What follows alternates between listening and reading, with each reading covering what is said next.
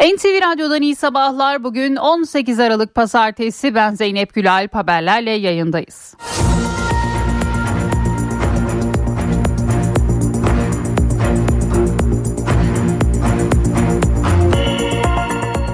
Marmara'da saat 23.53'te 4,1 büyüklüğünde bir deprem meydana geldi. Deprem İstanbul ve çevre illerde de hissedildi. Deprem uzmanı Profesör Doktor Okan Tüysüz sarsıntının beklenen Büyük İstanbul depremiyle bir ilgisi bulunmadığını söyledi. Ancak bir hatırlatıcı olduğunun da altını çizdi. Gümüşhane'nin Kerkit ilçesinde de saat 1.15'te 4,3 büyüklüğünde bir deprem oldu. Sarsıntı Trabzon ve çevre illerde de hissedildi. Kuzey Marmara Otoyolu'nda yolcu otobüsüyle tır çarpıştı. Kazada ilk belirlemelere göre bir kişi hayatını kaybetti, iki kişi de yaralandı. Asgari ücret pazarlığında işçi, işveren ve hükümet temsilcileri bugün ikinci kez bir araya geliyor. Çalışma ve Sosyal Güvenlik Bakanlığı'ndaki ikinci toplantıda Hazine ve Maliye Bakanlığı, Ticaret Bakanlığı ile TÜİK temsilcilerinin ekonomik veri ve raporları komisyonla paylaşması bekleniyor. Cumhurbaşkanı Recep Tayyip Erdoğan resmi ziyarette bulunmak üzere Macaristan'a gidiyor. Cumhurbaşkanı Erdoğan'ın Macaristan ziyaretinde pek çok işbirliği alanında 16 belge imzalanacak.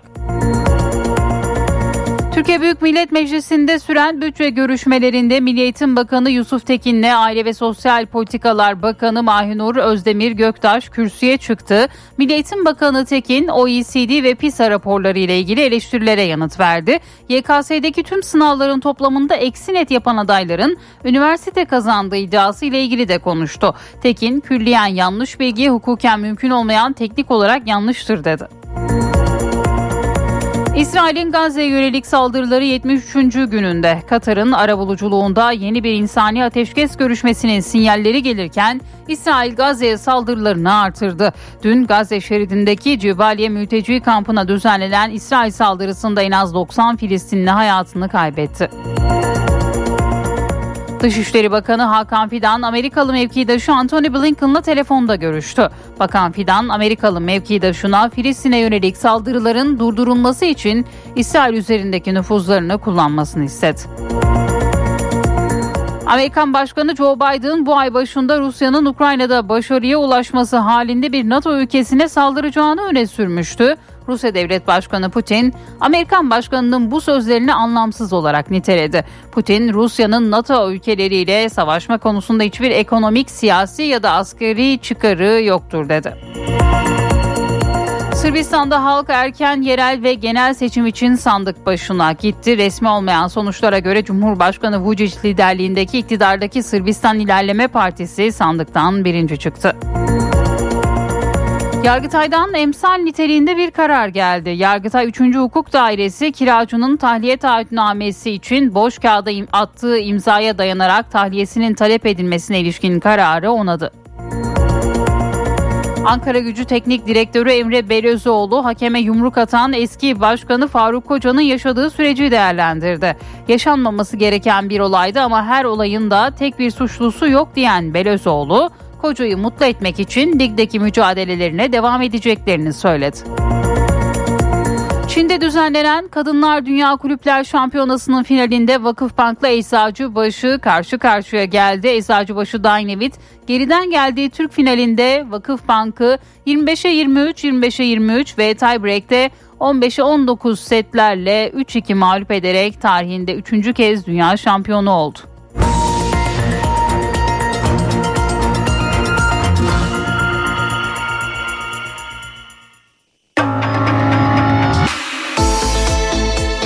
İşe giderken gazetelerin gündemi.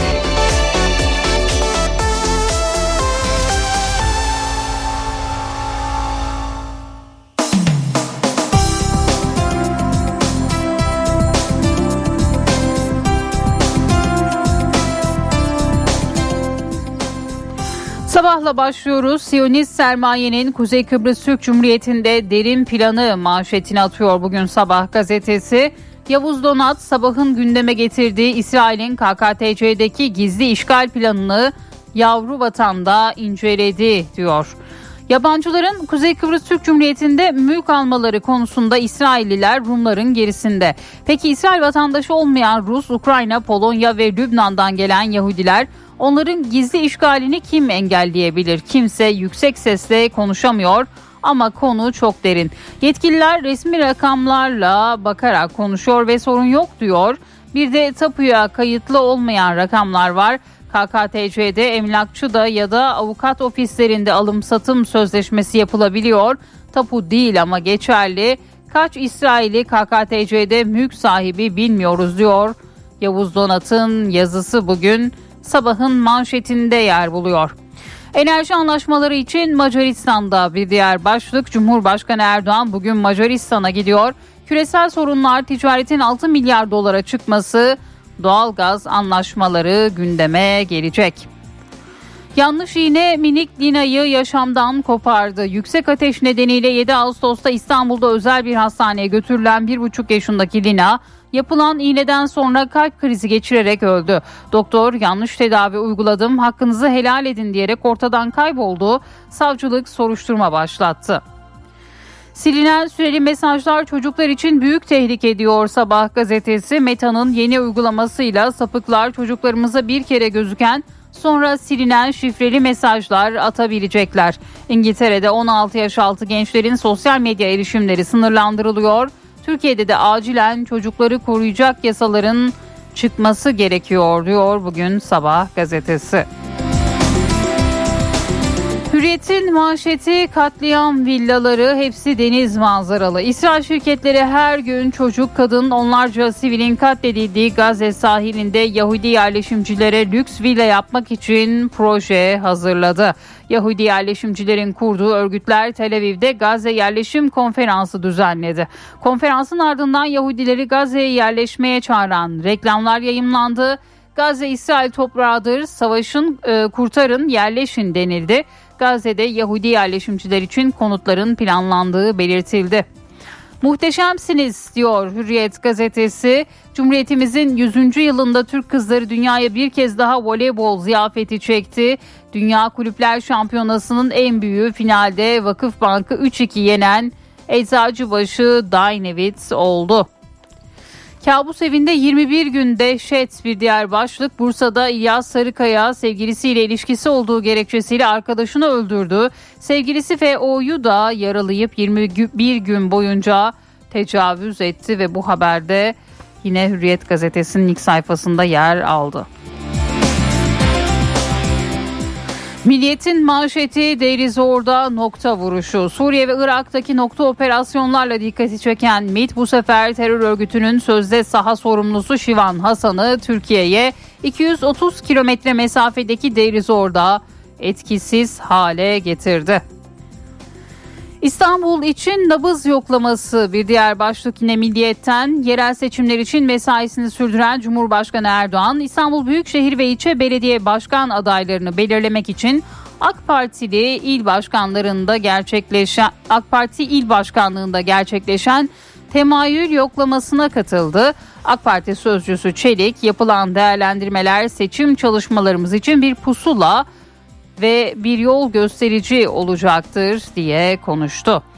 Asgari ücrette ikinci randevu bugün önümüzdeki yıl geçerli olacak asgari ücreti belirlemek için ikinci toplantı bugün gerçekleştirilecek. Başta TÜİK verileri olmak üzere ekonomi ve geçim istatistiklerinin gündeme gelmesi beklenen toplantıyla birlikte zam pazarlıklarının genel çerçevesinin çizilmesi bekleniyor deniliyor. Bugün yine Milliyet gazetesinde otobüslere takip cihazı 2 dakikada bir hız kontrolü bir diğer başlık.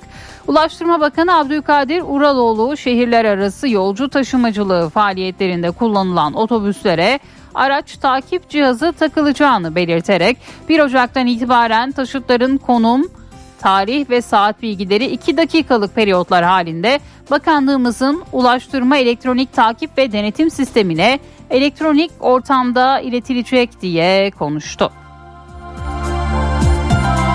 Yeni Şafak'ın manşetinde CEO Nazilerin ümiti başlığını görüyoruz. Türkiye'de yabancı düşmanlığı ve ırkçılığın bayraktarlığını yapan Zafer Partisi Genel Başkanı Ümit Özdağ İsrail adına psikolojik savaş yürütüyor. İşgale karşı direnen Hamas'ı terör örgütü olarak niteleyip İsrail'e yönelik boykotu kırmaya çalışan Özdağ'ın İsrail aşkı Yahudi lobisi ve Mossad'da ilişkileri eskilere dayanıyor diyor bugün Yeni Şafak gazetesi manşetinden. Doktora ve emniyet müdürüne iyi haber. Bir diğer haber Hekimlerin emeklilik ek göstergesi 6400'e yükseltiliyor. Bakanlığının bütçesi üzerinde konuşan Sağlık Bakanı Fahrettin Koca, sağlık çalışanlarının taban ücretinin de 0,32'den 0,64'e çıkarılacağını açıkladı. İçişleri Bakanı Ali Yerlikaya ise emniyet müdürlerinin emeklilik yaşının yükseltilmesi için çalıştıklarını söyledi. Postayla devam ediyoruz. Cehennem evi manşetini atıyor. Alzheimer hastası anne streç filme sarılı ceset ve yaralı sevgiliye tecavüz. Bursa'da yaşanan olay bu manşetle Posta gazetesinin ilk sayfasında yer buluyor.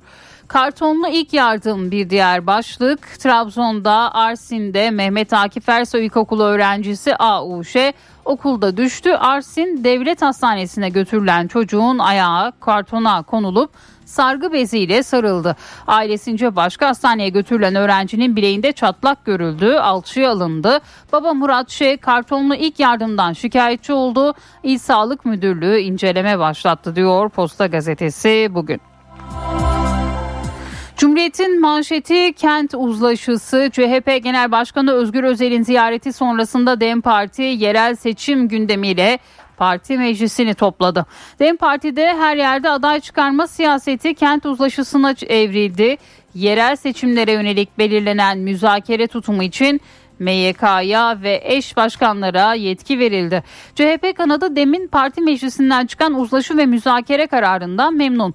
Kurmaylar müzakere olursa nasıl olur, ne yapılır bunlarla ilgili yorum yapmak için kendi parti meclisi toplantımızı beklemek gerekir. Bu konu ancak orada değerlendirilir ve ona göre karar verilir dedi Cumhuriyet gazetesinin manşetinde. Bir diğer başlık İyi Parti'de işbirliği isteyen gidiyor. Disipline sevk edilen İBB İyi Parti Grup Başkan Vekili İbrahim Özkan ve 6 meclis üyesi istifa etti. Özkan bir yıl öncesine kadar Cumhurbaşkanı adayı olarak gösterdiğimiz kişiler için bugün belediyeleri yönetemezler demek ilkeli siyasete yakışmaz açıklamasını yaptı ve yine bu haberde Cumhuriyet'in ilk sayfasında yer aldı. Şimdi bir araya gideceğiz sonrasında haberlerle buradayız.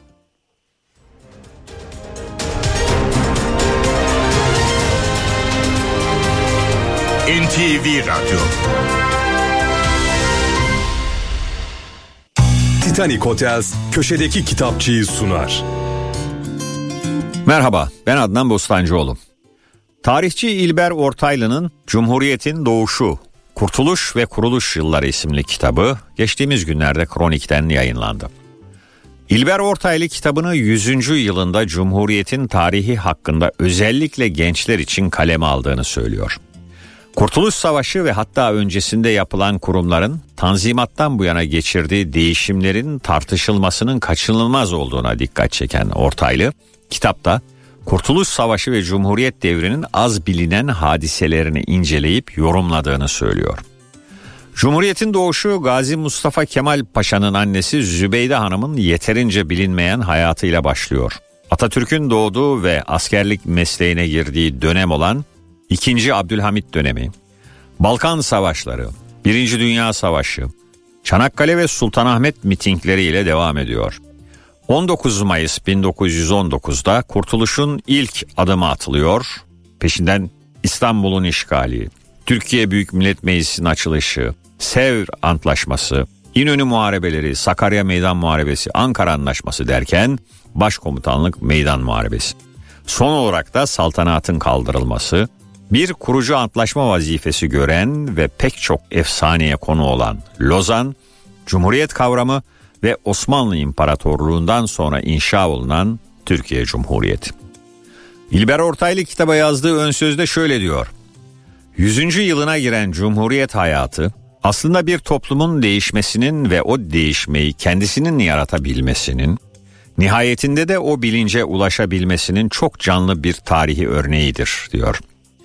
Kitapta üzerinde durduğumuz önemli bir husus da Cumhuriyetin yarattığı yeni devlet ve cemiyetin yanı sıra Devletin ve toplumun modernleşmesi için eğitim, sağlık ve kültür alanında gösterilen çabalardır derken bu girişimlerin bazıları rayına oturmuşsa da bütüne baktığımızda hala sorunlar, gerilemeler ve tıkanmalar olduğu uyarısında bulunuyor. Herkese iyi okumalar, hoşçakalın. Titanic Hotels köşedeki kitapçıyı sundu. Yiğit Akü yol durumunu sunar. Karayolları Genel Müdürlüğü duyurdu. Çankırı-Ankara yolunun 31-32. kilometrelerinde ve Nevşehir-Ürgüp-Kayseri yolunun 20-26. kilometrelerinde yol bakım çalışmaları yapıldığından ulaşım kontrollü olarak sağlanıyor. Sürücüler dikkatli seyretmeli. Yiğit Akü yol durumunu sundu. NTV Radyo, Türkiye'nin haber radyosu.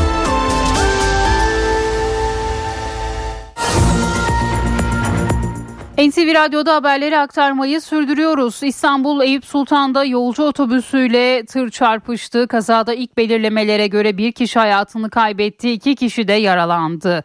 Kaza gece yarısından sonra Kuzey Marmara Otoyolu'nun oda yeri mevkiinde oldu. İddiaya göre yolcu otobüsü sünger yüklü tırı arkadan çarptı. Kazanın ardından direksiyon kabininde sıkışan otobüs şoförünü kurtarmak için itfaiye ekipleri seferber oldu. Yaralılar hastanelere sevk edildi.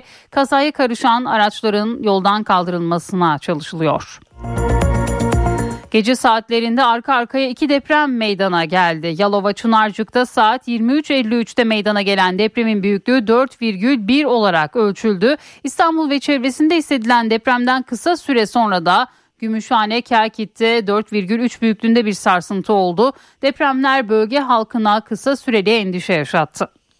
Önce Yalova 4,1 ile sallandı ardından Gümüşhane 4,3 ile. Marmara Denizi'ndeki depremin merkez üssü Yalova'nın Çınarcık ilçesiydi. Saat 23.53'te meydana gelen deprem yerin 11 kilometre derinliğinde oluştu. Sarsıntı başta İstanbul olmak üzere çevre illerden hissedildi. Yalova valisi Hülya Kaya ve İstanbul valisi Davut Gül olumsuz bir ihbar yok açıklaması yaptı. Deprem akıllara Büyük İstanbul depreminin habercisi mi sorusunu getirdi.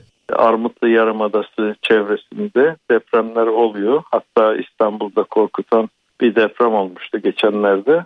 Bu da sanıyorum e, aynı etkinliğin devamı ya da 1999'un e, yaratmış olduğu bir e, gerilimin devamı olarak değerlendirilebilir. İstanbul'da beklediğimiz büyük depremle alakalı olmadığını düşünüyorum. Adalarla Çınarcık'ın arasında orta Çınarcık çukurluğunun ortasında burada çok sayıda küçük fay var. Bu faylardan biri olasılıkla.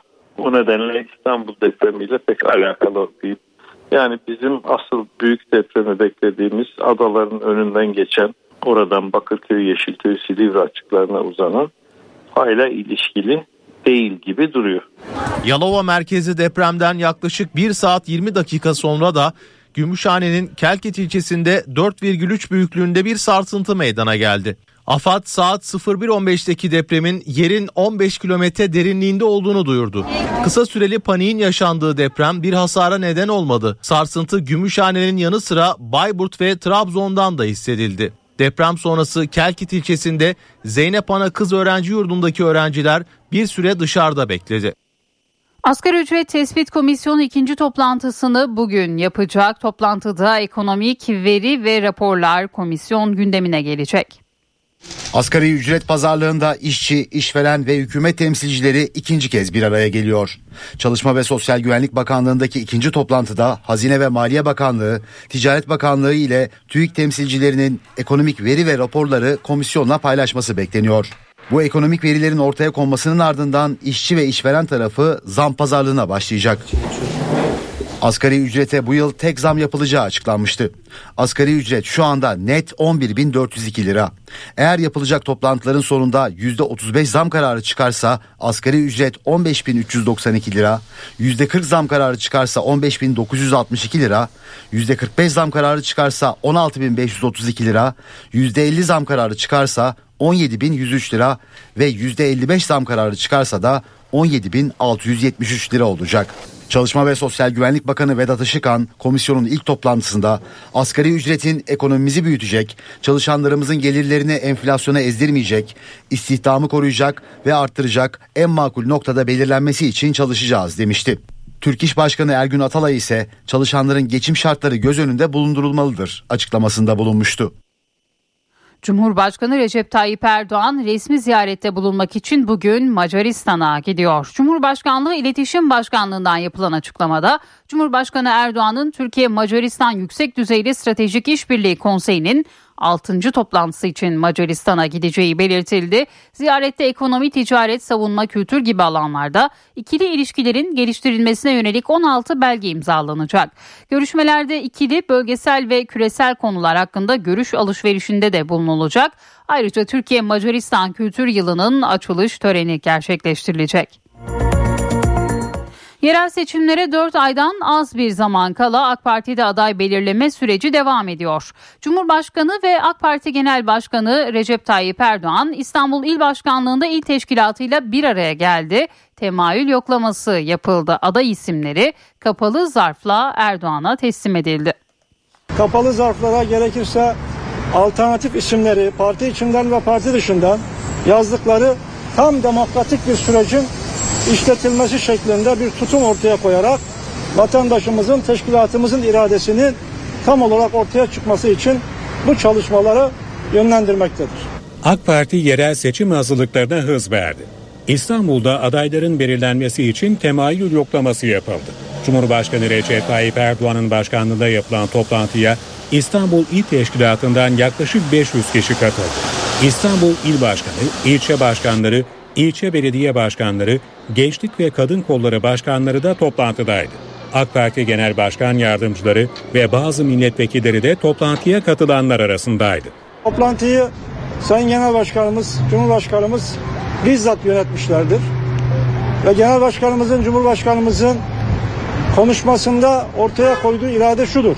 Burada ortak bir aklı tecelli ettirmek üzere toplanmış bulunuyoruz. En derinde, en kapsamlı istişareleri yaparak ortak aklı hep beraber üreteceğiz. Toplantıya katılanlara form dağıtıldı. İstanbul Büyükşehir Belediye Başkan adaylığı için 3 isim istendi.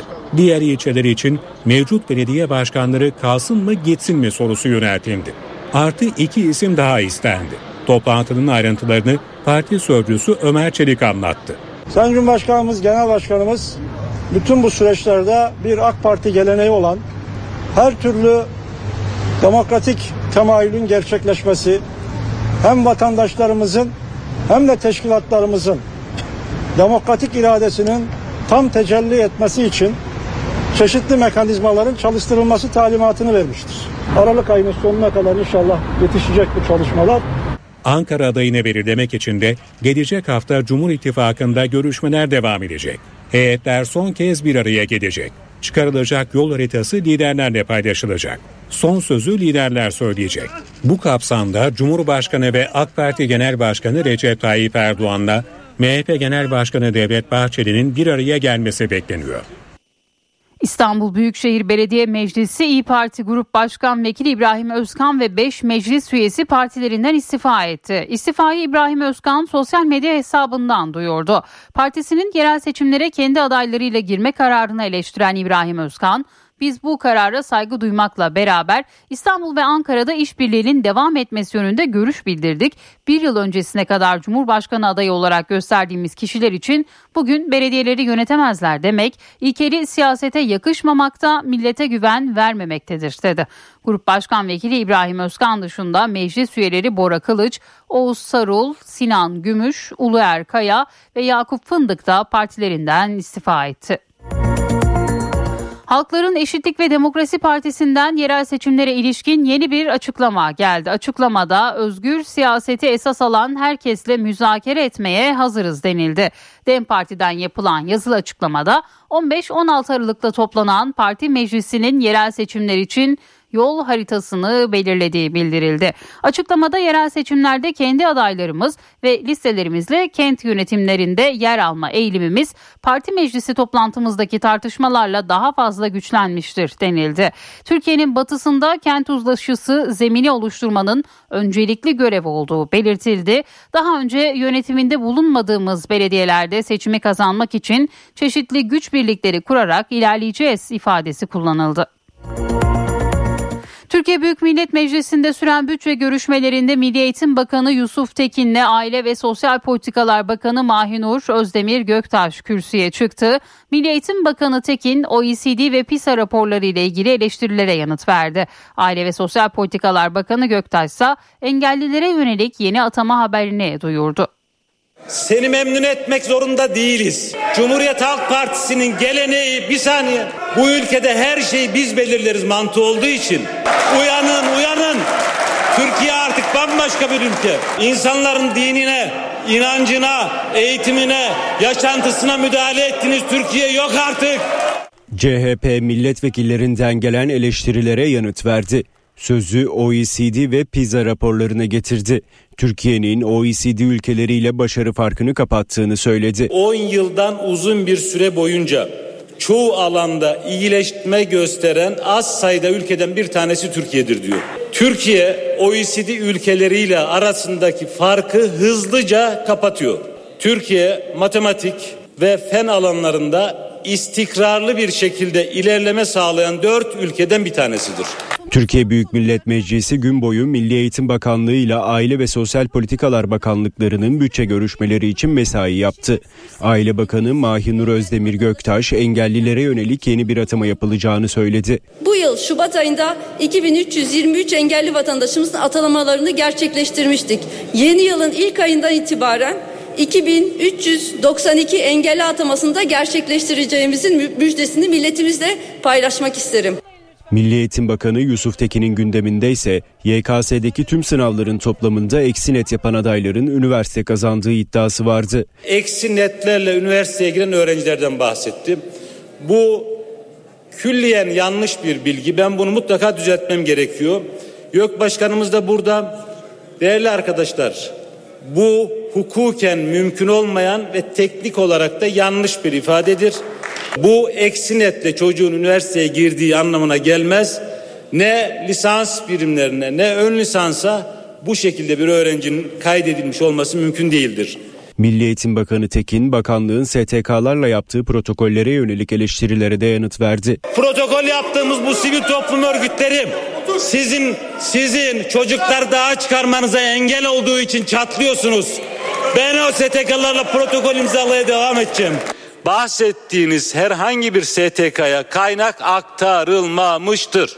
Milli Eğitim Bakanlığı ile Aile ve Sosyal Politikalar Bakanlıklarının bütçeleri oy çokluğuyla kabul edildi. NTV Radyo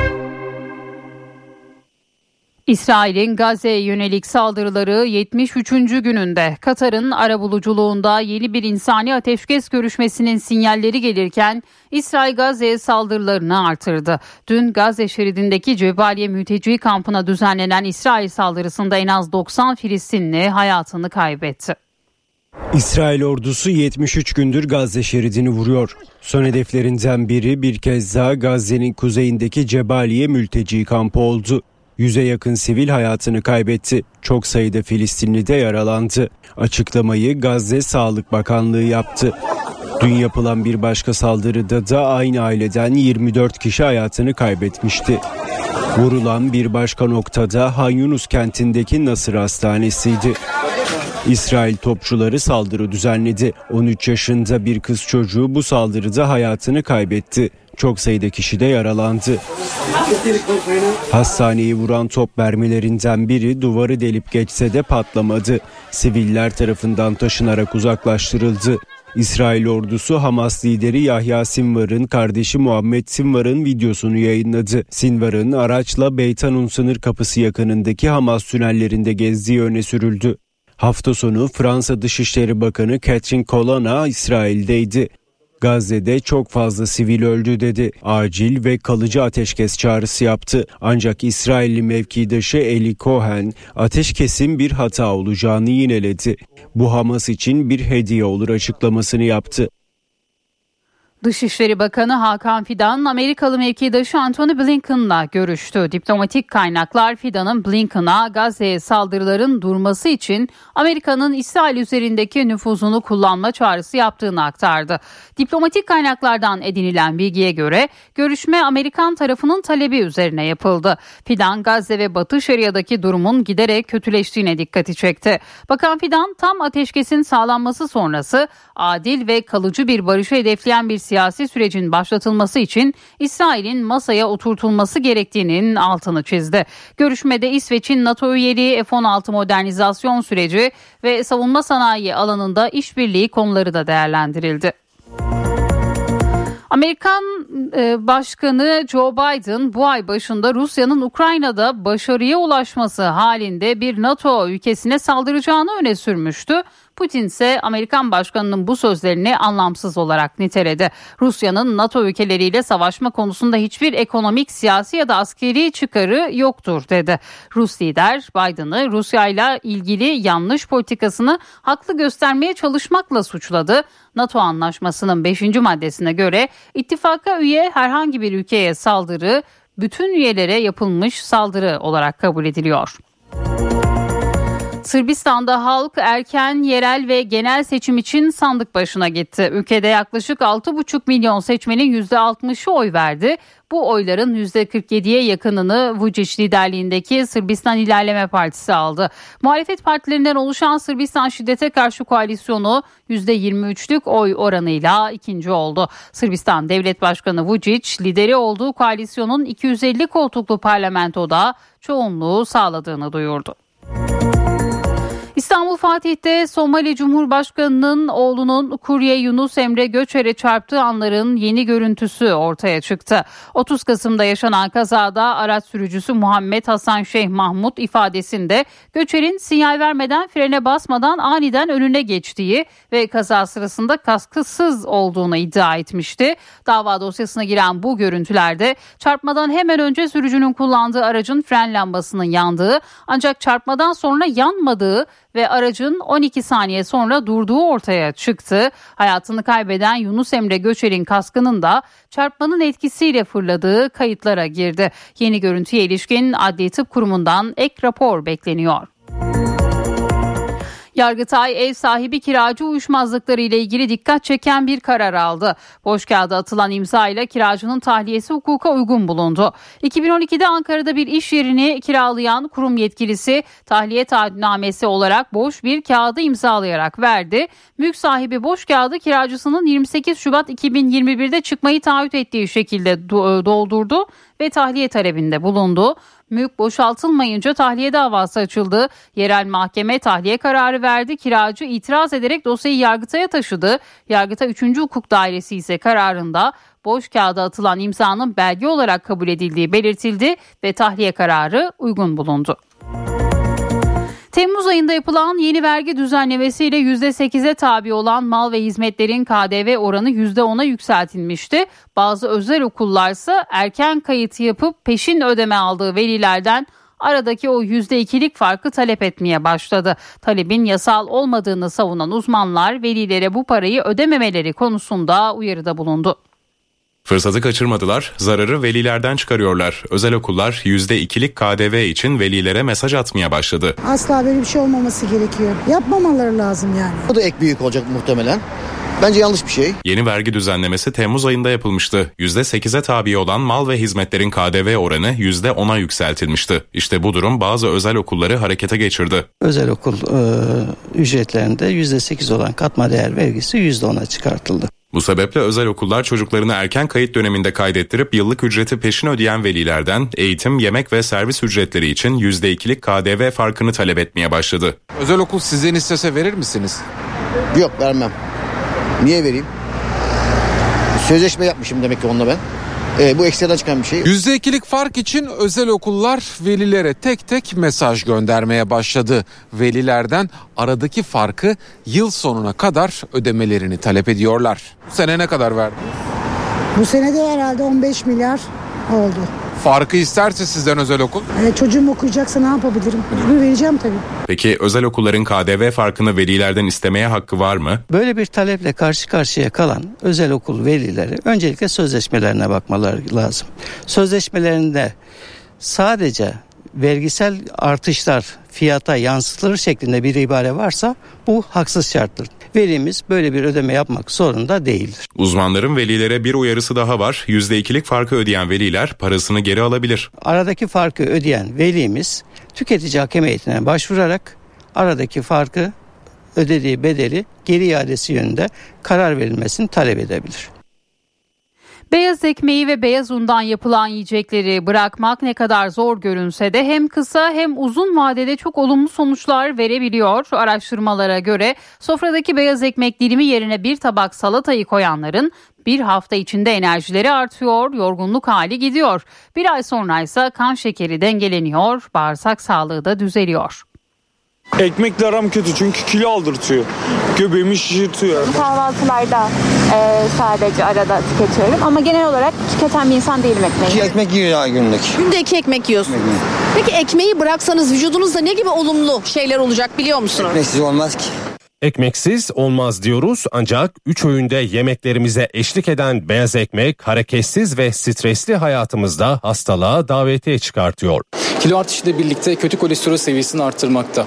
Buna ek olarak şeker hastalığı riskini arttırmakta. Buna ek olarak e, hipertansiyon, tansiyon yüksekliği riskini arttırmakta. Bunlar birleştiği zaman da maalesef kalp damarları için olumsuz etkilere sahip.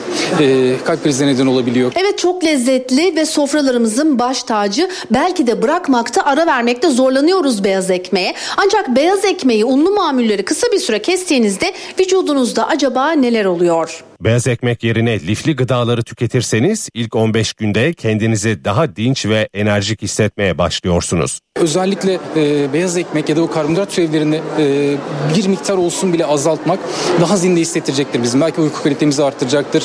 Kan şekerimizin kontrolünü çok iyi sağlayacaktır ve gün içerisindeki performansı arttıracaktır. Bağışıklık sistemimizi güçlendirecektir. Bir ay sonra mide bağırsak sisteminiz düzeliyor. Lifli gıdalarla beslenirseniz bağırsaklar da e, dışkının e, daha yumuşak olmasını sağlıyorlar. Bununla birlikte dışkı içeriğinin volümünü arttırıyorlar ve kabızlığı önlüyorlar. Ardından kilo vermeye başlıyorsunuz.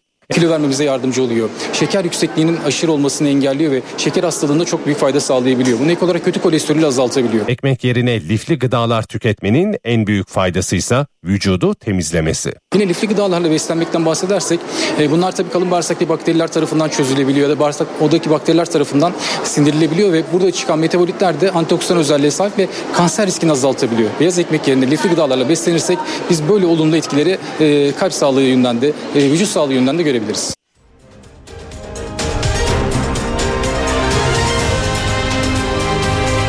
NTV Radyo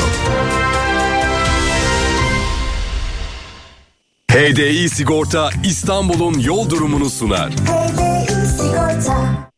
İstanbul'da şu dakika itibariyle trafikte yoğunluk haritası %53'ü gösteriyor. Anadolu'dan Avrupa'ya geçişte 15 Temmuz Şehitler Köprüsü'ne giderken Mustafa Kemal bağlantı yolu Beylerbeyi arasında oldukça yoğun bir trafik var. Fatih Sultan Mehmet Köprüsü'ne giderken de Küçük Bakkalköy Kavacık arası oldukça yoğun. Her iki köprüde de yoğunluk var. Avrasya Tüneli ise çift taraflı açık. Avrupa yakasına gelindiğinde E5'te Saadetlere Küçükçekmece arasında Tem'de ise Esenyurt Altınşehir arasında sabah trafiği gözleniyor. İyi yolculuklar.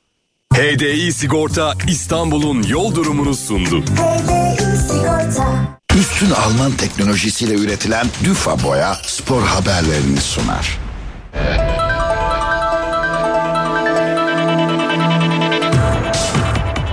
Dünya Kulüpler Şampiyonası'ndaki Türk finalinde kupa Eczacıbaşı Dynavit'in oldu. Kadın voleybolunun zirvesindeki mücadelede Vakıfbank'ı 3-2 yenen turuncu beyazlılar 3. kez dünya şampiyonluğuna ulaştı. Boskovic 28 sayıyla en değerli oyuncu seçilirken Hande Baladın 20 sayıyla galibiyette önemli rol oynadı. Türk voleybolunun zirveye çıktığı 2023'te Dünya Kulüpler Şampiyonluğu 8. kez Türkiye'ye geldi.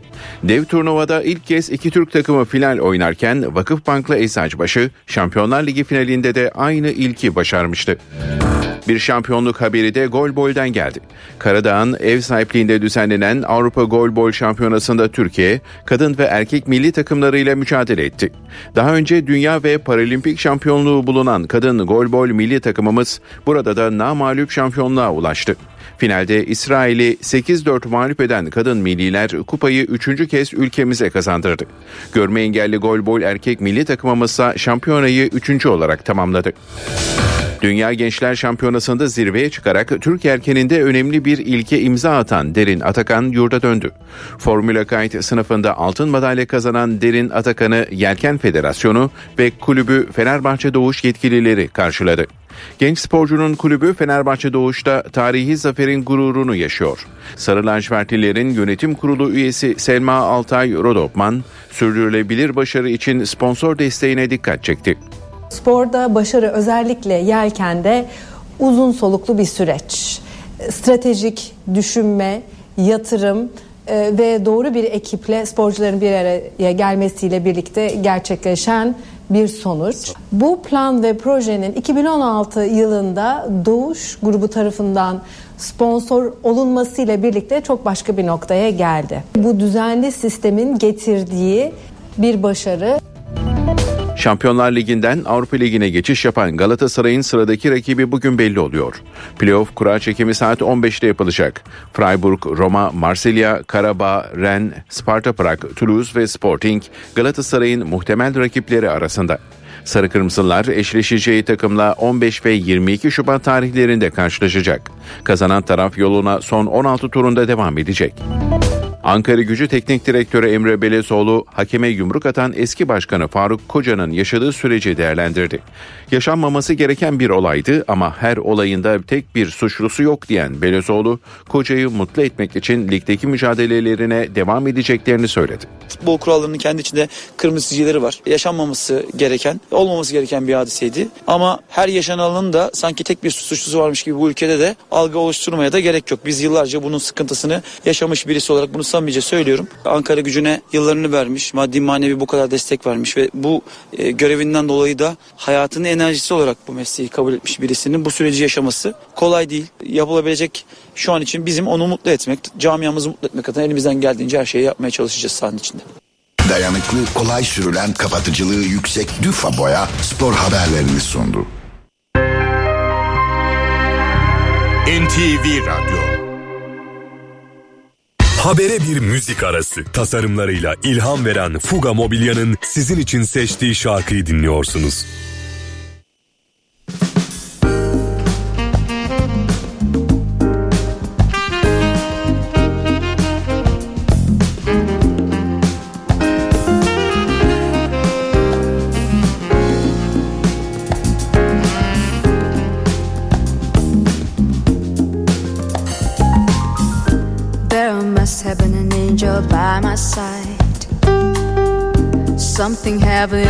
Led me to you.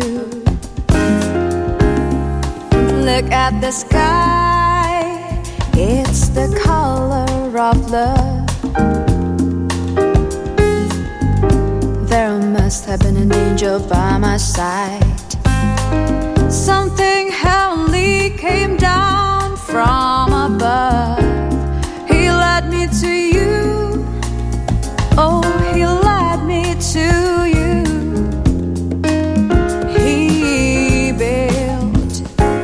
Bridge to your heart all the way. How many tons of love inside? I can't say. When I was led to you, I knew you're the one. Fuga Mobilya'nın seçtiği şarkıyı dinlediniz. Saat 8 Türkiye ve Dünya gündeminde bu saate kadar neler olduğuna bir haber turuyla bakalım. Marmara'da saat 23.53'te 4,1 büyüklüğünde bir deprem meydana geldi. Deprem İstanbul ve çevre illerde de hissedildi. Deprem uzmanı Profesör Doktor Okan Tüysüz sarsıntının beklenen Büyük İstanbul depremiyle bir ilgisi bulunmadığını söyledi. Ancak bir hatırlatıcı olduğunun da altını çizdi. Gümüşhane'nin Kelkit ilçesinde de saat 1.15'te 4,3 büyüklüğünde bir deprem oldu. Sarsıntı Trabzon ve çevre illerde de hissedildi. Kuzey Marmara Otoyolu'nda yolcu otobüsüyle tır çarpıştı. Kazada ilk belirlemelere göre bir kişi hayatını kaybetti. 31 kişi de yaralandı. Edirne yönünde trafik durdu. Ekipler kaza yapan otobüsle tırı kaldırmak için çalışma başlattı. Asgari ücret pazarlığında işçi, işveren ve hükümet temsilcileri bugün ikinci kez bir araya geliyor. Çalışma ve Sosyal Güvenlik Bakanlığı'ndaki ikinci toplantıda Hazine ve Maliye Bakanlığı, Ticaret Bakanlığı ile TÜİK temsilcilerinin ekonomik veri ve raporları komisyonla paylaşması bekleniyor. Cumhurbaşkanı Recep Tayyip Erdoğan resmi ziyarette bulunmak üzere Macaristan'a gidiyor. Cumhurbaşkanının Macaristan ziyaretinde pek çok işbirliği alanında 16 belge imzalanacak. Türkiye Büyük Millet Meclisi'nde süren bütçe görüşmelerinde Milli Eğitim Bakanı Yusuf Tekin'le Aile ve Sosyal Politikalar Bakanı Mahinur Özdemir Göktaş kürsüye çıktı. Milli Eğitim Bakanı Tekin OECD ve PISA raporları ile ilgili eleştirilere yanıt verdi. YKS'deki tüm sınavların toplamında eksi net yapan adayların üniversite kazandığı iddiası ile ilgili de konuştu. Tekin bu külliyen yanlış bilgi hukuken mümkün olmayan teknik olarak yanlıştır dedi. İsrail'in Gazze'ye yönelik saldırıları 73. gününde Katar'ın arabuluculuğunda yeni bir insani ateşkes görüşmesinin sinyalleri gelirken İsrail Gazze'ye saldırılarını artırdı. Dün Gazze şeridindeki Cebaliye mülteci kampına düzenlenen İsrail saldırısında en az 90 Filistinli hayatını kaybetti. Dışişleri Bakanı Hakan Fidan Amerikalı mevkidaşı Antony Blinken'la telefonda görüştü. Bakan Fidan Amerikalı mevkidaşı Blinken'dan Filistin'e yönelik saldırıların durdurulması için İsrail üzerindeki nüfuzlarını kullanmasını istedi. Amerikan Başkanı Joe Biden bu ay başında Rusya'nın Ukrayna'da başarıya ulaşması halinde bir NATO ülkesine saldıracağını öne sürmüştü. Rusya Devlet Başkanı Putin ise Amerikan Başkanı'nın bu sözlerini anlamsız olarak niteledi. Putin, Rusya'nın NATO ülkeleriyle savaşma konusunda hiçbir ekonomik, siyasi ya da askeri çıkarı yoktur dedi. Sırbistan'da halk erken, yerel ve genel seçim için sandık başına gitti. Resmi olmayan sonuçlara göre Cumhurbaşkanı Vučić liderliğindeki iktidardaki Sırbistan İlerleme Partisi sandıktan birinci çıktı. Yargıtay'dan emsal niteliğinde bir karar geldi. Yargıtay 3. Hukuk Dairesi kiracının tahliye taahhütnamesi için boş kağıda attığı imzaya dayanarak tahliyesinin talep edilmesine ilişkin kararı onadı. Ankara Gücü Teknik Direktörü Emre Belözoğlu hakeme yumruk atan eski başkanı Faruk Koca'nın yaşadığı süreci değerlendirdi. Yaşanmaması gereken bir olaydı ama her olayın da tek bir suçlusu yok diyen Belözoğlu, Koca'yı mutlu etmek için ligdeki mücadelelerine devam edeceklerini söyledi. Çin'de düzenlenen Kadınlar Dünya Kulüpler Şampiyonası'nın finalinde Vakıfbank'la Eczacıbaşı karşı karşıya geldi. Eczacıbaşı Dynavit geriden geldiği Türk finalinde Vakıfbank'ı 3-2 mağlup ederek tarihinde 3. kez dünya şampiyonu oldu.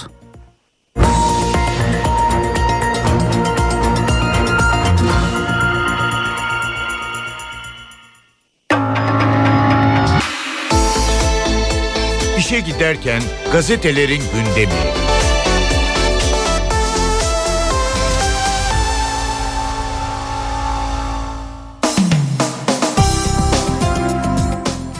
Sabahla başlıyoruz. Siyonist sermayenin Kuzey Kıbrıs Türk Cumhuriyeti'nde derin planı manşetini atıyor bugün sabah gazetesi. Yavuz Donat sabahın gündeme getirdiği İsrail'in KKTC'deki gizli işgal planını yavru vatanda inceledi. İşte perde arkasındaki bilinmeyen gerçekler diyor Sabah gazetesi ayrıntısına bakalım. Yabancıların KKTC'de mülk almaları konusunda İsrailliler Rumların gerisinde. Peki İsrail vatandaşı olmayan Rus, Ukrayna, Polonya ve Lübnan'dan gelen Yahudiler. Onların gizli işgalini kim engelleyebilir? Kimse yüksek sesle konuşamıyor ama konu çok derin. Yetkililer resmi rakamlara bakarak konuşuyor ve sorun yok diyor. Bir de tapuya kayıtlı olmayan rakamlar var. Kuzey Kıbrıs Türk Cumhuriyeti'nde emlakçıda ya da avukat ofislerinde alım satım sözleşmesi yapılabiliyor. Tapu değil ama geçerli. Kaç İsrailli KKTC'de mülk sahibi bilmiyoruz diyor Yavuz Donat'ın yazısı bugün sabahın manşetinde yer buluyor.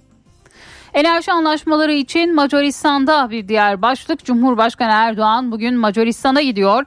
Küresel sorunlar, ticaretin 6 milyar dolara çıkması, doğal gaz anlaşmaları gündeme gelecek. Macaristan'la diplomatik ilişkilerin yeniden kurulmasının 100. yıl dönümü gerçekleşi 100. yıl dönümünde gerçekleşecek ziyarete Erdoğan, Cumhurbaşkanı Novak ve Başbakan Urban'la görüşme gerçekleştirecek. Ağustos'ta yapılan anlaşmayla gelecek yıldan itibaren Türkiye'nin Macaristan'a doğal gaz ihraç etmesi planlanıyor deniliyor. Bugün sabah gazetesinde. Yanlış iğne minik Lina'yı yaşamdan kopardı. Yüksek ateş nedeniyle 7 Ağustos'ta İstanbul'da özel bir hastaneye götürülen 1,5 yaşındaki Lina Yapılan iğneden sonra kalp krizi geçirerek öldü. Doktor yanlış tedavi uyguladım hakkınızı helal edin diyerek ortadan kayboldu. Savcılık soruşturma başlattı diyor bugün sabah gazetesi. Silinen süreli mesajlar çocuklar için büyük tehlike. Meta'nın yeni uygulamasıyla sapıklar çocuklarımıza bir kere gözüken sonra silinen şifreli mesajlar atabilecekler. İngiltere'de 16 yaş altı gençlerin sosyal medya erişimleri sınırlandırılıyor. Türkiye'de de acilen çocukları koruyacak yasaların çıkması gerekiyor diyor bugün sabah gazetesi. Milliyet, e, affedersiniz hürriyetle devam edelim. Hepsi deniz manzaralı katliam villaları manşetini atıyor bugün Hürriyet gazetesi. İsrail şirketleri her gün çocuk, kadın, onlarca sivilin katledildiği Gazze sahilinde Yahudi yerleşimcilere lüks villa yapmak için proje hazırladı. Yahudi yerleşimcilerin kurduğu örgütler Tel Aviv'de Gazze yerleşim konferansı düzenlendi. Konferansın ardından Yahudileri Gazze'ye yerleştirmeye çağıran reklamlar yayınlandı. Gazze İsrail toprağıdır savaşı e, savaşın kurtarın yerleşin denildi. Gazze'de Yahudi yerleşimciler için konutların planlandığı belirtildi. Gazze'de yapılacak konutlarla ilgilenecek İsraillilerin başvurması için telefon numarası da verildi. İşgalci şirketlerden biri olan Hareyi Zahav'da Gazze sahiline yapılacak villaların taslaklarını yayınladı. Şirketin paylaşımında sahilde bir ev hayal edin, molozları temizleyip işgalcileri çıkarıyoruz denildi. Bir diğer başlık Hürriyet gazetesinden muhteşemsiniz. Cumhuriyetimizin 100. yılında Türk kızları dünyaya bir kez daha voleybol ziyafeti çekti. Dünya Kulüpler Şampiyonası'nın en büyüğü finalde Vakıfbank'ı 3-2 yenen Eczacıbaşı Dynavit oldu. Çin'deki nefes kesen finali son sette kazanan Eczacıbaşı Dynavit bu dev kupaya tarihinde üçüncü kez ulaşmanın gururunu yaşadı. 1991 yılından bu yana düzenlenen Dünya Kulüpler Şampiyonası'nın en başarılı ülkesi olan Türkiye 8. şampiyonluğuna ulaştı. Türkiye kadın voleybolda kulüpler düzeyindeki 25. kupasını da kazanmış oldu diyor Hürriyet gazetesi. Kabus evinde 21 gün dehşet bir diğer başlık. Bursa'da İlyas Sarıkaya sevgilisiyle ilişkisi olduğu gerekçesiyle arkadaşını öldürdü. Sevgilisi FO'yu da yaralayıp 21 gün boyunca tecavüz etti diyor ve bu haberde yine Hürriyet gazetesinin ilk sayfasında yer buluyor. Milliyetle devam ediyoruz. Deirizor'da nokta vuruş manşetini atıyor Milliyet gazetesi. Suriye ile Irak'taki nokta operasyonlarla dikkati çeken MIT bu sefer terör örgütünün sözde saha sorumlusu Şivan Hasan'ı Türkiye'de 230 kilometre mesafedeki Deirizor'da etkisiz hale getirdi. Terör örgütünün Suriye Silahlı Konsey üyesi ve sözde saha sorumlusu olan Roni Velat Kod adlı Hasan MIT'in yakın takibindeydi. Yürütülen hassas saha çalışmaları sonucunda 5 Aralık'ta Türkiye'ye yaklaşık 230 kilometre mesafedeki Deirizor'da düzenlenen nokta operasyonla etkisiz hale getirildi. Hasan için operasyondan iki gün sonra Deirizor'da düzenlenen sözde törene birçok PKK-YPG'li terörist unsur katıldı. Terörle mücadelede sınır tanımayan MİT, Suriye ve Irak'ta yüzlerce kilometre derinlikteki son dönemde toplamda 8 e, başarılı operasyona imza attı. MIT'in terör örgütü PKK-KCK adına haraç toplayan ve eleman sağlayan sözde sorumlularından Jiyan Mardin Kod adlı Gülsüme Doğan'ı 20 Kasım'da Irak'ın kuzeyindeki Süleymaniye'de etkisiz hale getirmesi de yankı uyandırmıştı diyor bugün Milliyet gazetesi. İstanbul için nabız yoklaması bir diğer başlık. Yerel seçimler için mesaisini sürdüren Cumhurbaşkanı Erdoğan, İstanbul Büyükşehir ve ilçe belediye başkan adaylarını belirlemek için AK Parti İl Başkanlığı'nda gerçekleşen temayül yoklamasına e, yoklamasına katıldı. AK Parti sözcüsü Çelik, yapılan değerlendirmeler seçim çalışmalarımız için bir pusula ve bir yol gösterici olacaktır dedi. Asgari ücrette ikinci randevu bugün. Önümüzdeki yıl geçerli olacak asgari ücreti belirlemek için ikinci toplantı bugün gerçekleştirilecek. Başta TÜİK verileri olmak üzere ekonomi ve geçim istatistiklerinin gündeme gelmesi beklenen toplantıyla birlikte zam pazarlıklarının genel çerçevesinin de çizilmesi bekleniyor diyor bugün Milliyet gazetesi. İki dakikada bir hız kontrolü bir diğer başlık Ulaştırma Bakanı Abdülkadir Uraloğlu şehirler arası yolcu taşımacılığı faaliyetlerinde kullanılan otobüslere araç takip cihazı takılacağını belirterek 1 Ocak'tan itibaren taşıtların konum, tarih ve saat bilgileri 2 dakikalık periyotlar halinde bakanlığımızın ulaştırma, takip, elektronik takip ve denetim sistemine elektronik ortamda iletilecek deniliyor ve bu haberde yine Milliyet'in ilk sayfasında yer buluyor. Boş kağıda imza ile tahliye bir diğer haber. Ankara'da 2012'de bir iş yerini kiralayan kurum yetkilisi mülk sahibine tahliye taahhütnamesi olarak boş bir kağıt imzaladı. Mülk sahibi de bu kağıdı 2020'de işleme koydu. Mahkeme ve Yargıtay mülk sahibini haklı buldu. Bir başlığı daha aktaralım yine Milliyet gazetesinden grip artık 6 ay sürüyor diyor Milliyet. Her yıl özellikle de zatürreye yol açacak on binlerce kişinin ölümüne yol açan grip kabusu artık daha da zor iyileşen bir hal aldı. Semptomları 3-6 ay arasında sürüyor. İnfluenza aylarca süründürüp okulda devamsızlıklara, iş gücünde de kayıplara sebep oluyor diyor bugün Milliyet. Yeni Şafak'la devam ediyoruz. Siyoniz, e, Siyonazilerin ümiti manşetiyle çıkıyor Yeni Şafak gazetesi. Türkiye'de yabancı düşmanlığı ve ırkçılığın bayraktarlığını yapan Zafer Partisi Genel Başkanı Ümit Özdağ, İsrail adına psikolojik savaş yürütüyor. İşgale karşı direnen Hamas'ı terör örgütü olarak niteleyip İsrail'e yönelik boykotu kırmaya çalışan Özdağ'ın İsrail aşkı Yahudi lobisi ve Mossad'la ilişkileri eskilere dayanıyor diyor bugün Yeni Şafak gazetesi. Doktora ve Emniyet Müdürüne iyi haber bir diğer başlık. Hekimlerin emeklilik ek göstergesi 6400'e yükseliyor. Bakanlığının bütçesi üzerinde konuşan Sağlık Bakanı Fahrettin Koca, sağlık çalışanlarının taban ücretlerinin de 0,32'den 0,64'e çıkarılacağını açıkladı. İçişleri Bakanı Ali Yerlikaya ise emniyet müdürlerinin emeklilik yaşının yükseltilmesi için çalıştıklarını söyledi ve yine bu haberde bugün Yeni Şafak gazetesindeydi. Posta gazetesi Cehennem Evi manşetiyle Bursa'da yaşanan olayı e, bugün ilk sayfasına taşıyor. Alzheimer hastası anne streç filme sarılı ceset yaralı sevgiliye tecavüz notuyla. Bursa'da bir evde tek kelimeyle dehşet dolu günler yaşandı. Alzheimer hastası annesiyle yaşayan İlyas Sarıkaya sevgilisiyle ilişkisi olduğu iddia ettiği arkadaşını davet etti.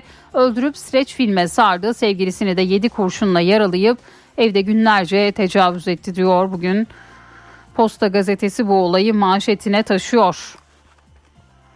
Kartonlu ilk yardım bir diğer başlık. Trabzon Arsin'de Mehmet Akif Ersoy İlkokulu öğrencisi AUŞ okulda düştü. Arsin Devlet Hastanesi'ne götürülen çocuğun ayağı kartona konulup sargı beziyle sarıldı. Ailesince başka hastaneye götürülen öğrencinin bileğinde çatlak görüldü. Alçıya alındı. Baba Murat Ş. kartonlu ilk yardımdan şikayetçi oldu. İl Sağlık Müdürlüğü de inceleme başlattı diyor bugün Posta Gazetesi. Kaldırımda giden taksiye para cezası bir diğer başlık. İstanbul Fatih Sultan Mehmet Köprüsü bağlantı yolunda 34 THA 82 plakalı taksi şoförü aracın bir lastiğini kaldırıma çıkararak ilerledi. Kaldırımdan yürüyen bir kadınsa taksiye vurarak tepki gösterdi. Görüntüler üzerine inceleme başlatan trafik denetleme ekipleri taksiciyi bulup 1387 lira ceza kesti. Cumhuriyet'in manşetinde kent uzlaşısı başlığını görüyoruz. CHP Genel Başkanı Özgür Özel'in ziyareti sonrasında DEM Parti yerel seçim gündemiyle parti meclisini topladı. DEM Parti'de her yerde aday çıkarma siyaseti kent uzlaşısına evrildi. Yerel seçimlere yönelik beklenen müzakere tutumu için MYK'ya ve eş başkanlara yetki verildi. CHP kanadı DEM'in parti meclisinden çıkan uzlaşı ve müzakere kararından memnun.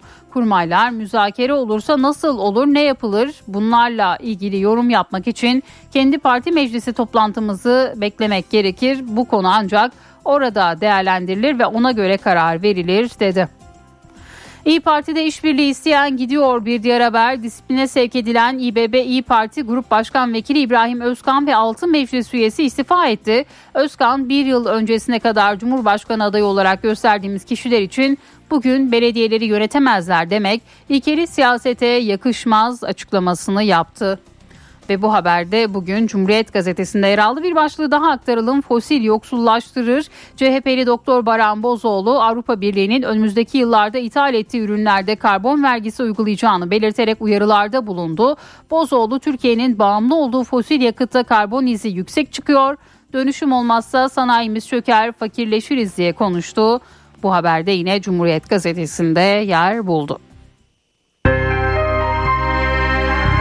NTV Radyo Evdeki Hesap Profesör Murat Ferman hafta içi her gün ekonomideki güncel gelişmeleri NTV Radyo dinleyicileri için yorumluyor. Günaydın Sayın Ferman, mikrofon sizde. Zeynep Gül Hanım günaydın. İyi bir gün, iyi yayınlar diliyorum. Haziran ayından bu yana yeni Merkez Bankası ve ekonomi yönetimi e, faizi, gösterge faizini %8,5'tan %40'a yükseltti. Dolayısıyla bu artışa paralel bir şekilde borçlanma faizleri, borçlanma maliyeti de yukarıya çekildi. Nitekim borçlanma kanalları içerisinde özellikle vatandaşın ulaşabileceği, erişebileceği kanallar içerisinde ihtiyaç kredileri, konut kredileri, oto kredilerinde görece bir sıkılaştırma olduğunu görüyoruz. O zaman ne oldu? Vatandaş tabiri caizse kredi kartına yüklenmek zorunda kaldı.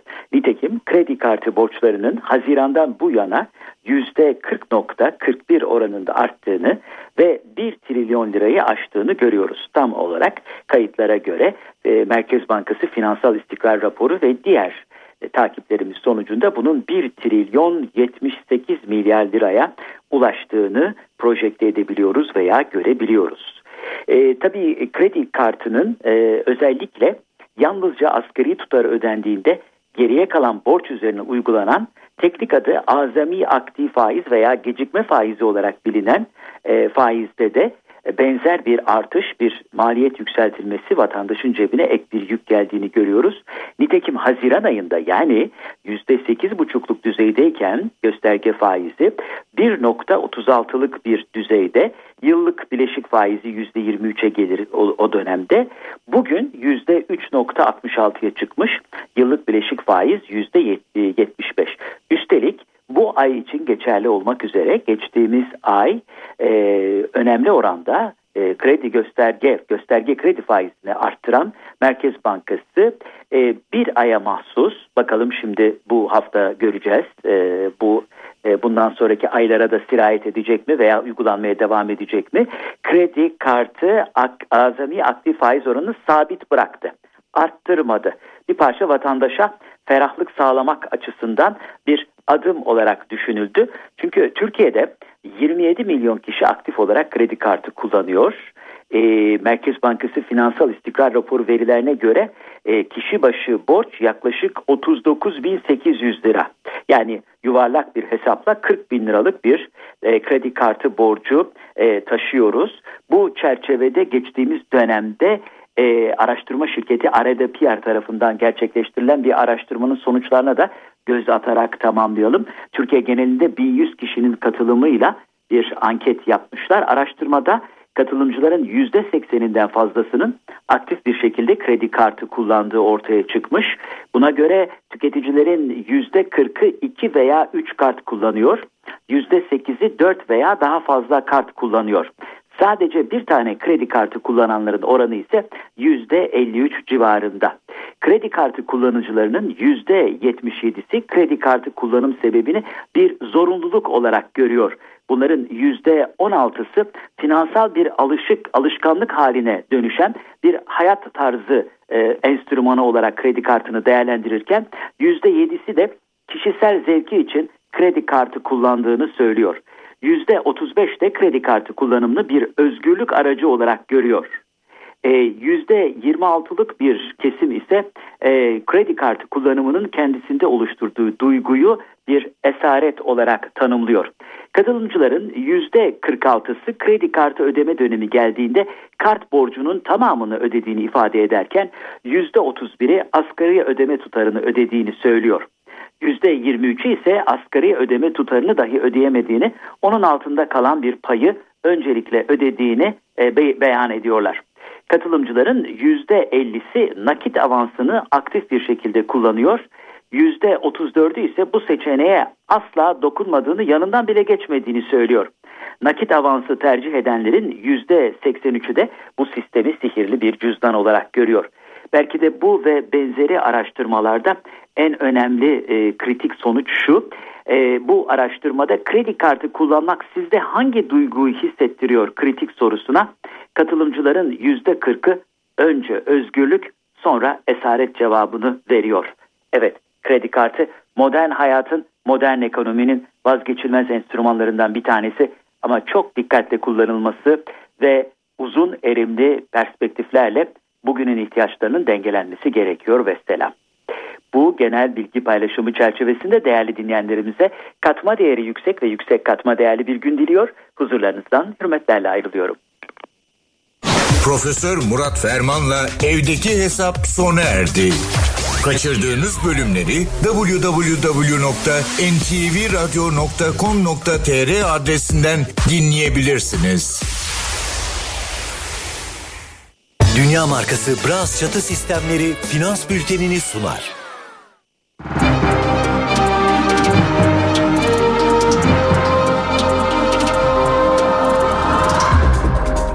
Borsa İstanbul Yüz Endeksi 7993 seviyelerinde. Dolar 28.99, Euro 31.67'den işlem görüyor. Euro dolar paritesi 1.09.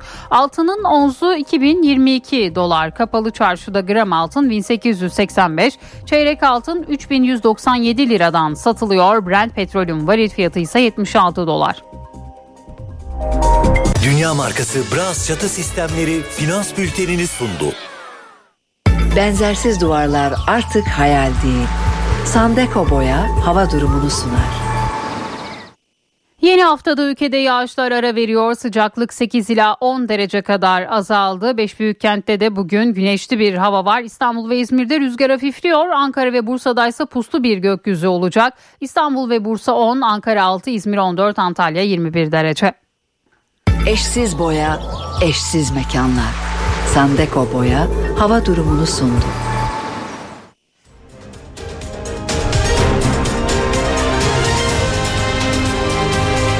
NTV Radyo.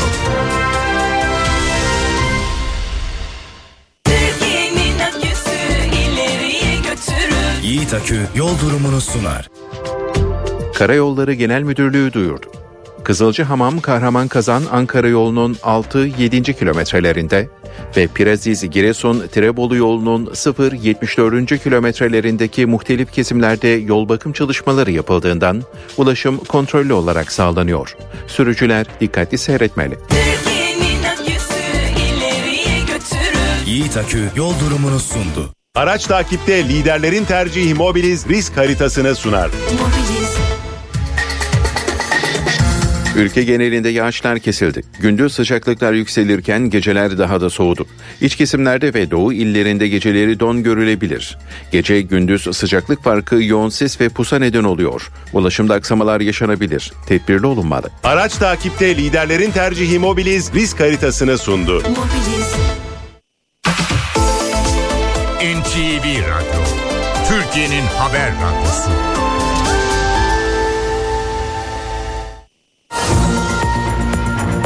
NTV Radyo'da haberleri aktarmayı sürdürüyoruz. Asgari ücret tespit komisyonu ikinci toplantısını bugün yapacak. Toplantıda ekonomik veri ve raporlar komisyon gündemine gelecek.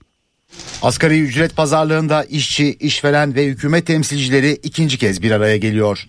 Çalışma ve Sosyal Güvenlik Bakanlığı'ndaki ikinci toplantıda Hazine ve Maliye Bakanlığı, Ticaret Bakanlığı ile TÜİK temsilcilerinin ekonomik veri ve raporları komisyonla paylaşması bekleniyor. Bu ekonomik verilerin ortaya konmasının ardından işçi ve işveren tarafı zam pazarlığına başlayacak. Asgari ücrete bu yıl tek zam yapılacağı açıklanmıştı.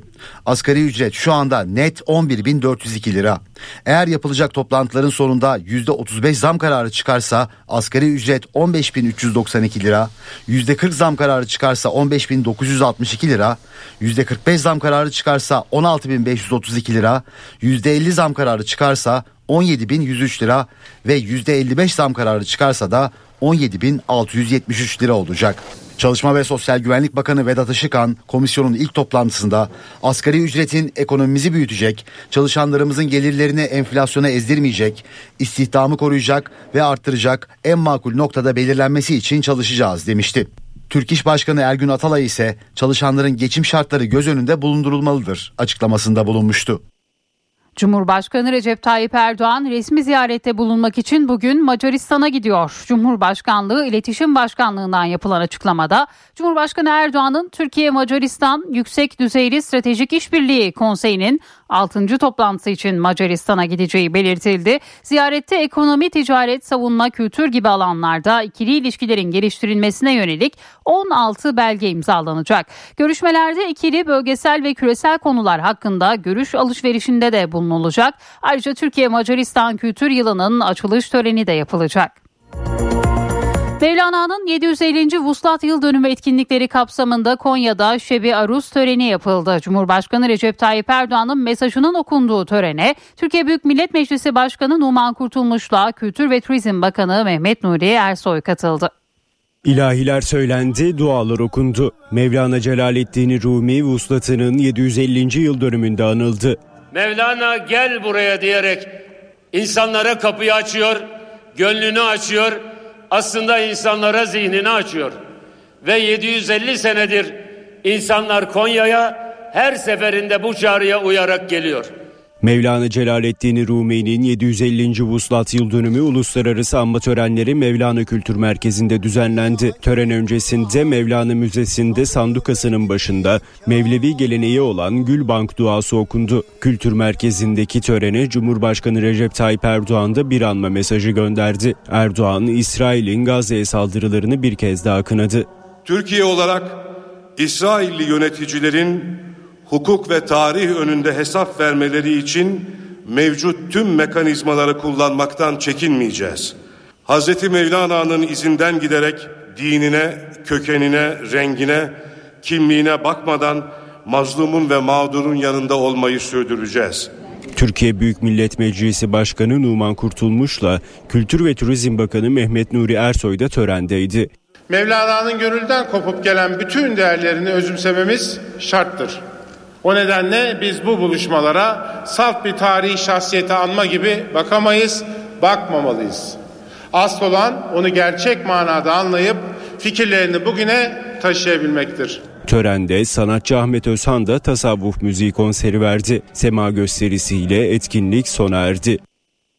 Doçent Doktor Necip Hablemitoğlu'nun evinin önünde uğradığı suikastla öldürülmesinin üzerinden 21 yıl geçti. Suikasta ilişkin davada 10 sanığın yargılanmasına devam ediliyor.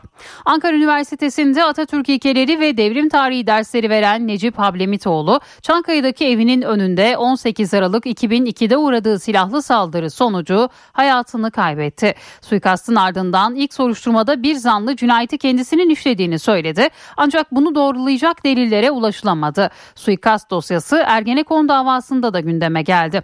Ergenekon savcısının davaya müdahillik önerisi Hablemitoğlu'nun eşi Şengül Hablemitoğlu tarafından kabul edilmedi.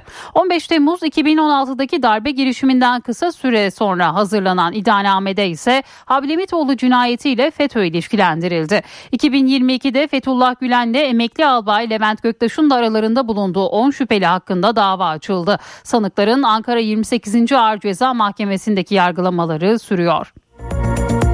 İstanbul Büyükşehir Belediye Meclisi İyi Parti Grup Başkan Vekili İbrahim Özkan ve 5 meclis üyesi partilerinden istifa etti. İstifayı İbrahim Özkan sosyal medya hesabından duyurdu. Partisinin yerel seçimlere kendi adaylarıyla girme kararını eleştiren İbrahim Özkan, biz bu karara saygı duymakla beraber İstanbul ve Ankara'da işbirliğinin devam etmesi yönünde görüş bildirdik.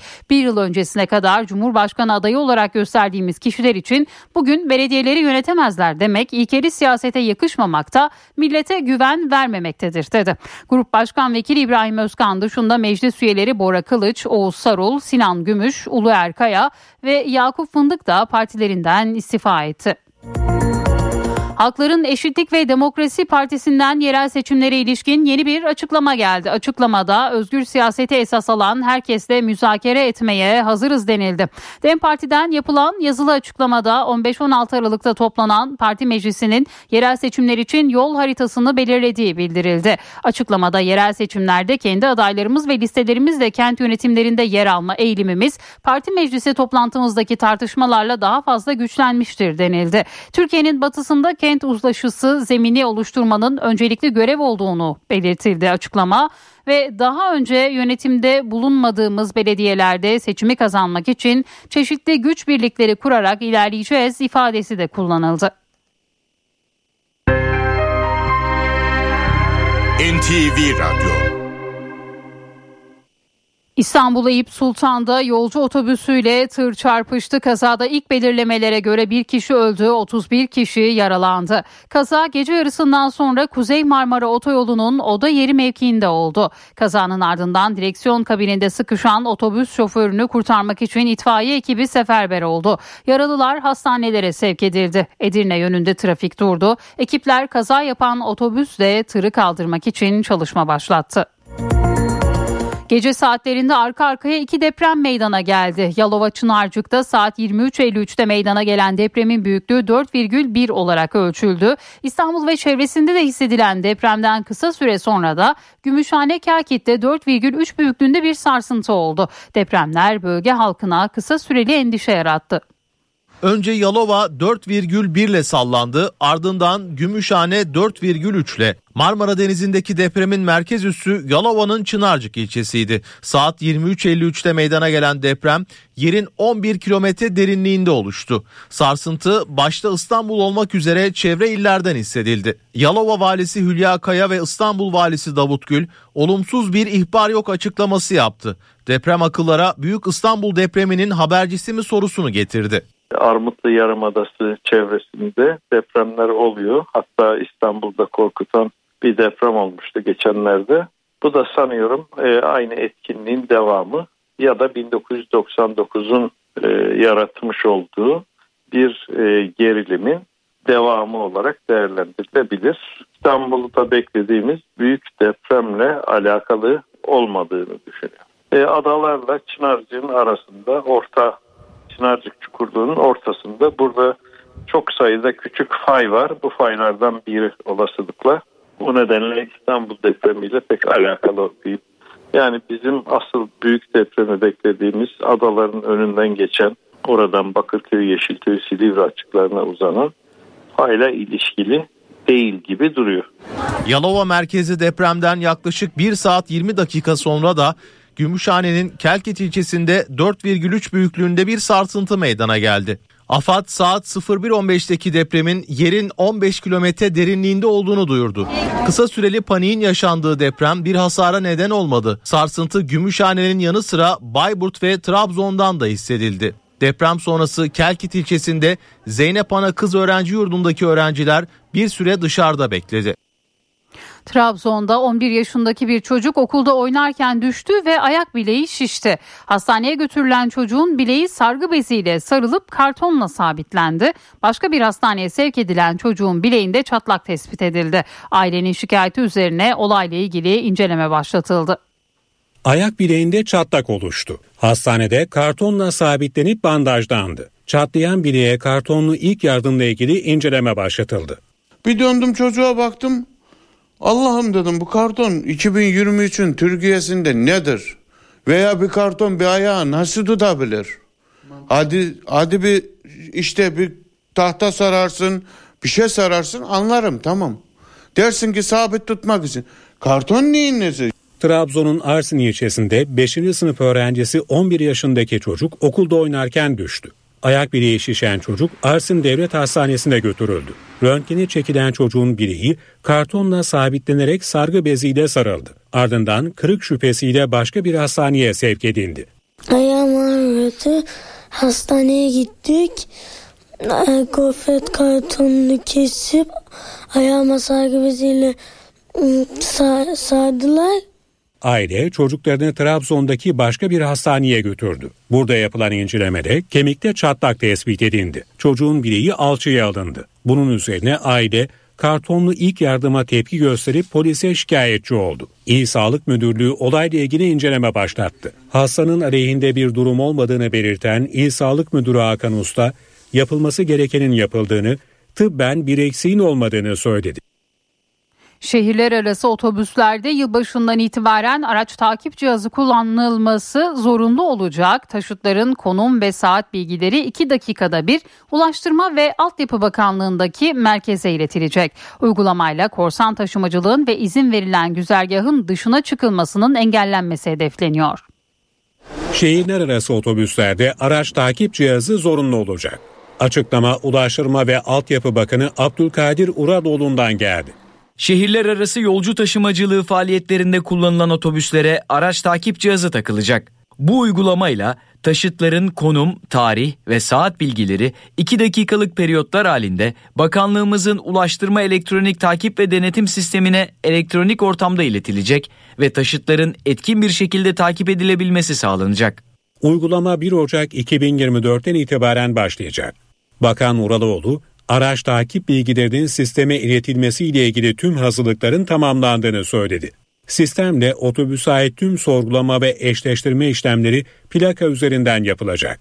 Uygulamayla korsan ve usulsüz taşımacılığın engellenmesi, vatandaşların herhangi bir mağduriyet yaşamadan güvenli ve huzurlu bir şekilde seyahat etmelerinin sağlanması, yolcuların uygun olmayan yerlerde araçlara bindirilmesi veya araçlardan indirilmesinin engellenmesi, izin verilen güzergah dışına çıkan araçların tespiti sağlanacak.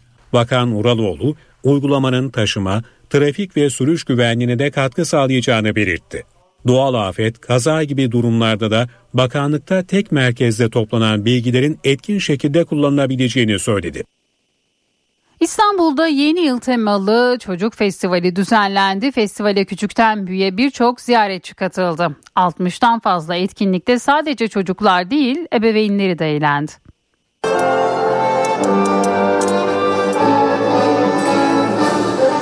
Yemekler yaptılar, oyunlar oynadılar, dans ettiler. Çilek kolye yaptım, Lego yaptım, lahmacun yaptım. Ee, bir de kar küresinin içine girdim. Donat yaptım. Fotoğraflar çekildim. Çok eğlendim. Resim yaptım. Yüzümü boyadım. Çikolata falan yaptım. Yılbaşı diyorum asa yaptım. İstanbul Beşiktaş'ta düzenlenen festivalde çocuklar yılbaşı coşkusu yaşadı. Birçok atölyenin bulunduğu etkinliğe ilgi yoğundu. Bir daha buraya geleceğim. Yılbaşı partisinde günüm çok güzel geçti. Lego yaptım, donat yaptım, lahmacun yaptım. Şarkı da söyleyebiliyorum. Jingle bells, jingle bells, jingle all the way. Down miss a ride. Look way home. Festivale katılım yoğun ancak sadece çocuklar değil büyükten küçüğe etkinliklere büyük ilgi var. Onlarla çocuk oluyoruz yeniden. Hem öğretiyoruz onların için de gelişim için de güzel oyuncaklar var, aktiviteler var. Biz de onlara yardımcı olmak için biraz müdahale oluyoruz. Günümüz çok keyifli geçiyor. Çocuklar için de çok güzel bir değişiklik oldu. Biz ebeveynler çok eğleniyoruz. Yani şöyle söyleyeyim dolu dolu geçiyor. Her anımız dolu. Bu yıl ikincisi düzenlenen çocuk festivalinde 60'tan fazla etkinlik ziyaretçilere sunuldu. Karlardan Noel Baba'ya, e, sihirbazlık gösterilerinden e, yeni yıl temalı e, cookie atölyelerine, kurabiye atölyelerine, kek atölyelerine. E, Valla bu senenin ilginç bir şeyi yeni yıl temalı lahmacun atölyemiz bile var. Yeni yıla sayılı gün kala çocuklar dileklerini de anlattı. Kitap. Birinci sınıfa başladım çünkü okumam lazım. Melisa'nın bana hediye getirmesini isterim. İnsanların iyi olmasını isterdim yani. Hiç kimse ki birbirine kötü olmasını isterim.